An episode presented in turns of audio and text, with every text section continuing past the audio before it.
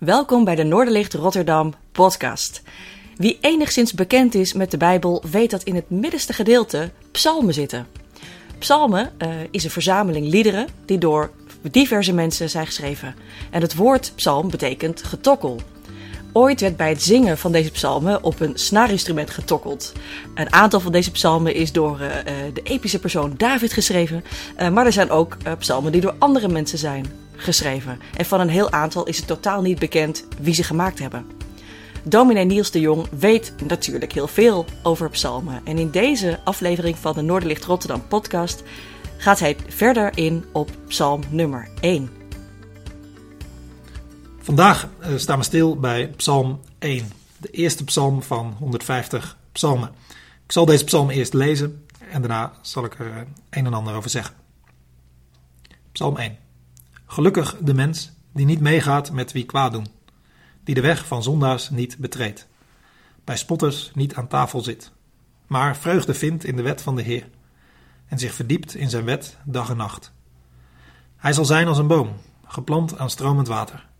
Op tijd draagt hij vrucht, zijn bladeren verdorren niet. Alles wat hij doet, komt tot bloei. Zo niet de wettelozen.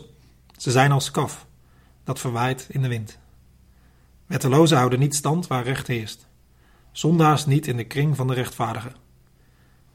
De Heer beschermt de weg van de rechtvaardigen. De weg van de wettelozen loopt dood.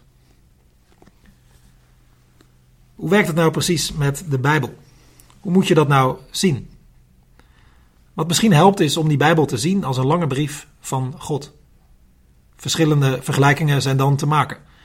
Jij en ik zijn op een missie, ergens in een gebied vol strijd en gevaar, en die Bijbel is dan een brief van onze Vader. Je kunt je voorstellen dat je vol vreugde die brief leest over wat je vader denkt, vindt, wat hij over zichzelf zegt en wat hij over ons zegt. Daar gaat het ook over in Psalm 1. Dat je vreugde vindt in dat woord van God. Of een andere vergelijking. Jij en ik zijn verdwaald tijdens een reis door de bergen. En die Bijbel is dan een lange brief van degene die alles weet van het gebied waar wij zijn en ons uitlegt hoe we eruit kunnen komen. Je kunt je voorstellen dat je maar al te graag kennis neemt van de richting die je wordt gewezen. Daar gaat het ook over in Psalm 1. Daar staat het woord Torah, wat in onze vertaling vertaald is met wet, maar waarbij je niet zozeer aan regeltjes moet denken, maar meer aan richtingwijzende woorden. Of nog een andere vergelijking. Jij en ik zijn aan het werk op een gewone functie ergens op het grondvlak van een multinational. En die Bijbel is dan een brief van onze CEO, de hoogste baas. Waarin hij jou en mij uitlegt hoe we het meest van betekenis kunnen zijn op ons werk. Je kunt je voorstellen dat je daarna veel meer van betekenis bent op je werk. Nou, daar gaat het ook over in Psalm 1. Vrucht dragen. Oftewel, van betekenis zijn. Dat lijken me drie dingen die wij nodig hebben. Vreugde. Wie wil dat nou niet? Het diepe vreugde. Dat geeft blijkbaar dat woord van God. Blijdschap over wie God is, wie jij mag zijn, wie je mag worden, waar het heen gaat. Een vreugde die niet stuk te krijgen is. al die stemmen om ons heen, al die stemmen in ons, die geven vaak verwarring, onrust. Maar die woorden van de Bijbel, zelfs die woorden die lastig zijn, waar je in eerste instantie van schrikt, dat ook als je doorleest en er even niks van begrijpt, dat je langzaam maar zeker toch voelt dat je vreugde vindt. Niet, niet zozeer instant blijdschap per direct, maar wel vreugde die groeit. Ik denk dat jij en ik dat zoeken. En ook, ook richting. Dat we de goede kant op gaan. dat je niet doodloopt, waar het ook over gaat in deze psalm, maar dat je goed uitkomt. Dat, dat willen we ook. Zoals in een Rotterdamse roman gezegd werd: Zoveel mensen zijn de weg kwijt en niemand doet iets. God heeft wel iets gedaan, richting gegeven. En als derde, van betekenis te zijn. Dat gevoel hebben we niet altijd in deze complexe wereld met al die miljoenen en miljarden mensjes. Maar er zit in ons een verlangen om dat wel te zijn.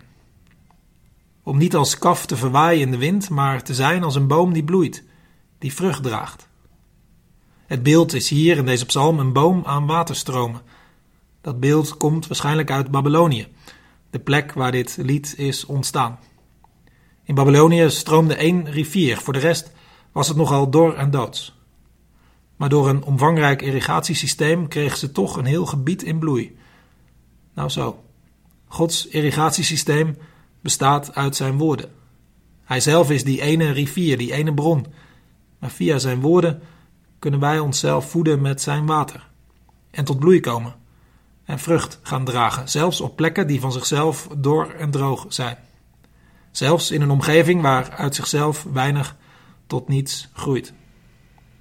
Daar worden we gevoed door zijn woorden en bloeien en dragen vrucht. Jezus zegt trouwens ook dat dat ons doel is: vrucht dragen.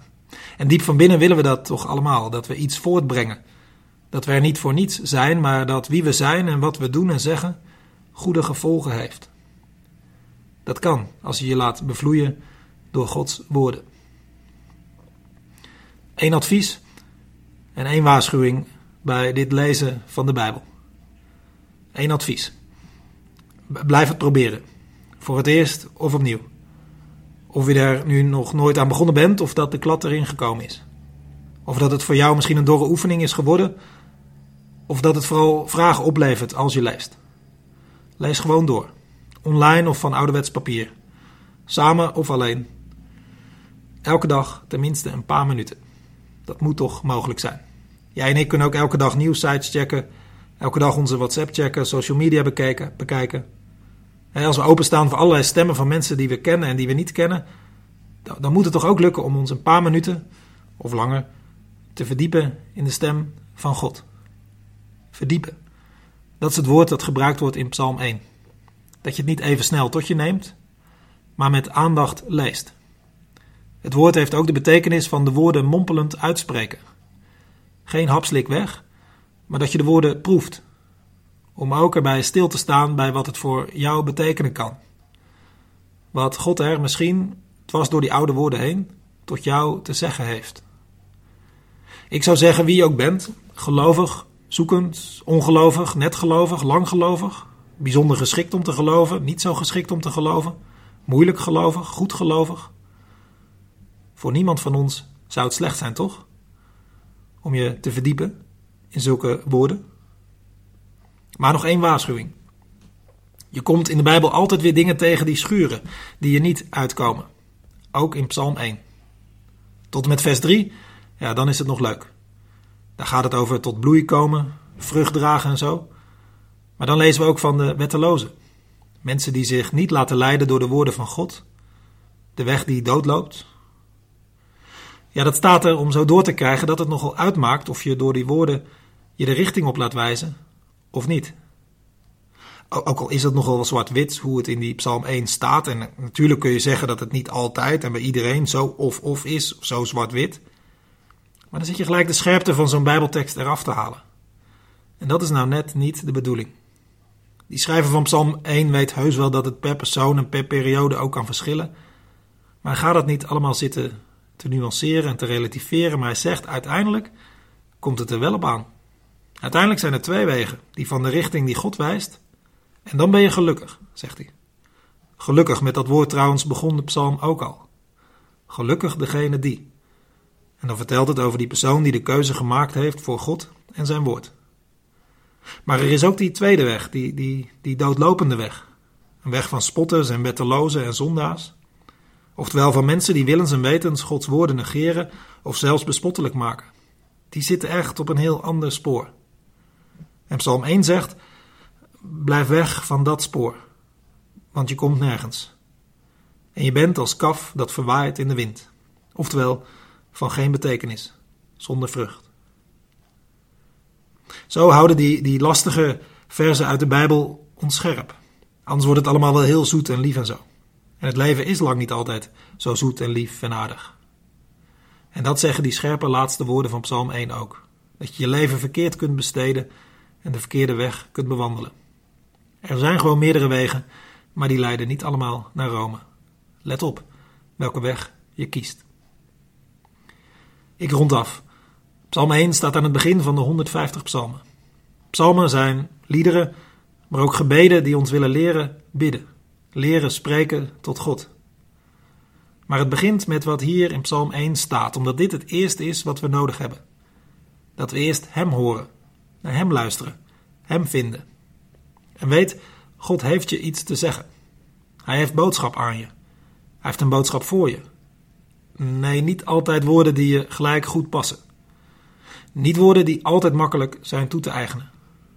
Woorden die soms onrustig maken. Woorden die de boel bij je opschudden. Maar ze zijn goed. Ze geven vreugde, richting, betekenis. Met name het laatste woord, waarin God zich helemaal heeft uitgesproken. Jezus. Dat is echt een heel goed woord. Een verlossend woord.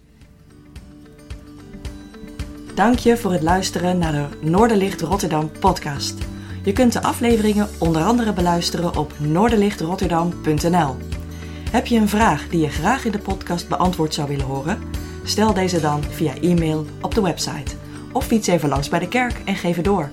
Wie weet beantwoordt de volgende aflevering dan jouw vraag. Je bent van harte welkom. Tot de volgende keer.